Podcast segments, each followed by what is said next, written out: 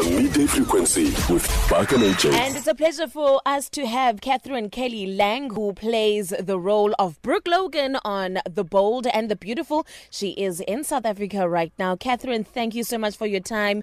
Good afternoon and welcome to the midday frequency on Tru FM. Thank you. Good afternoon. Wow. So you tweeted that it is so beautiful here in South Africa. You love the people that are super nice and genuine. Um, this is not your first time, I know, in South Africa. The first time was a long time ago, like 28 years ago. Wow, 28 years ago. That was before our It democracy. was to judge Miss World in Sun City. Okay. So now, uh, a lot of people watch the show and they've been watching the show. And uh, do you get that people confuse you for Brooke Logan? I don't think so. I think because of social media and so many people are on it and they follow me or the show and they can kind of see some of our natural Mhm. behavior, our, our lives outside of our characters in our show. So that helps. Okay. Any similarities between you and Brooke Logan? Well, we love our children very Okay. much. Well, you do, and you're so protective over your children. Now, Brooke has been married more times than I can count. Twice to Eric, seven times to Ridge. Gra- uh, you married someone I, didn't, I don't even know, Whipple Jones, as well on the show. Yeah. You know, uh, Thorne Forrester. so w- what do you think about uh, Brooke being, you know, un- undeniably holding the world record for the most married woman on television? Well, uh, okay. I have to say this. It is a half hour show, so it's a smaller cast.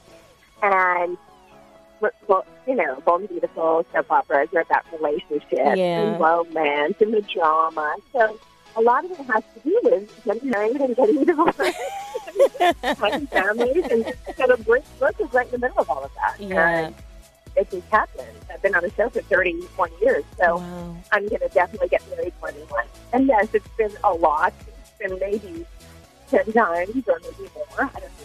But uh, it's been a terrific show. Okay. So, could you give young actresses out there uh, tips? Because, you know, you've been on the show for 31 years, and some, they don't have that longevity. Or perhaps is it working relations with the directors and the producers or the cast members? Uh, what tips could you give a young person on how to stay on a successful show for as long and have as much impact as you on The Bold and, and the Beautiful? Ah, that's a good question. I mean, honestly, uh, ever since I started that show, I'm just, I came on and it was very nice to everybody. Everybody was very nice and also very excited to be starting a brand new show. You have to get along with everybody. You have to make it work. You have to be giving a 100% of your talent and yourself to your art, you know, your craft. You have to learn. You have to, first of all, know enough and be talented enough to be able to do that Mhm. like a daily show every day for so many years. You have to memorize a ton of dialogue. Mhm. So I think it's best to go to some kind of school, acting school, um, workshops, things like that. Just uh, maybe do some plays, get some experience. And the more you have under the, your belt, the better it is to have longevity Mm. in the entertainment world. Well, before I let you go, I know that you're very, very busy. Could you give us a Women's Month message? We're celebrating women in South Africa this month of August.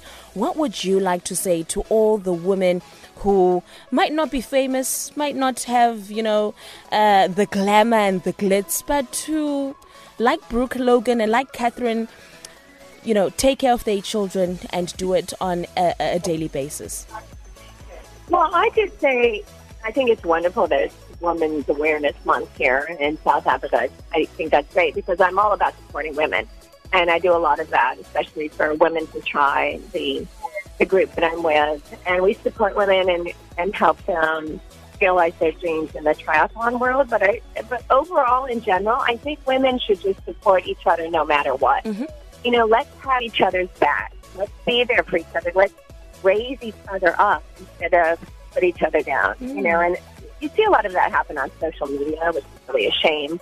Um, how people bully each other and feel that they can say anything negative and really hurt people's feelings. But we need to all band together. We really need to to build each other and help each other and support each other and give a, a shoulder to lean on. Wow. Well, Katherine, thank you so much t- uh, for talking to us on the midday frequency on Tru FM.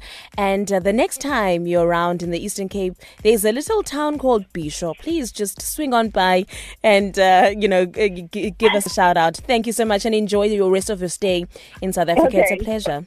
Th- Thank you so much. Nice to talk to you. Thank you. Bye. Katherine Kelly Lang on the midday frequency. The midday frequency, 12 to 3 p.m. Monday to Friday on Tru FM like no one else.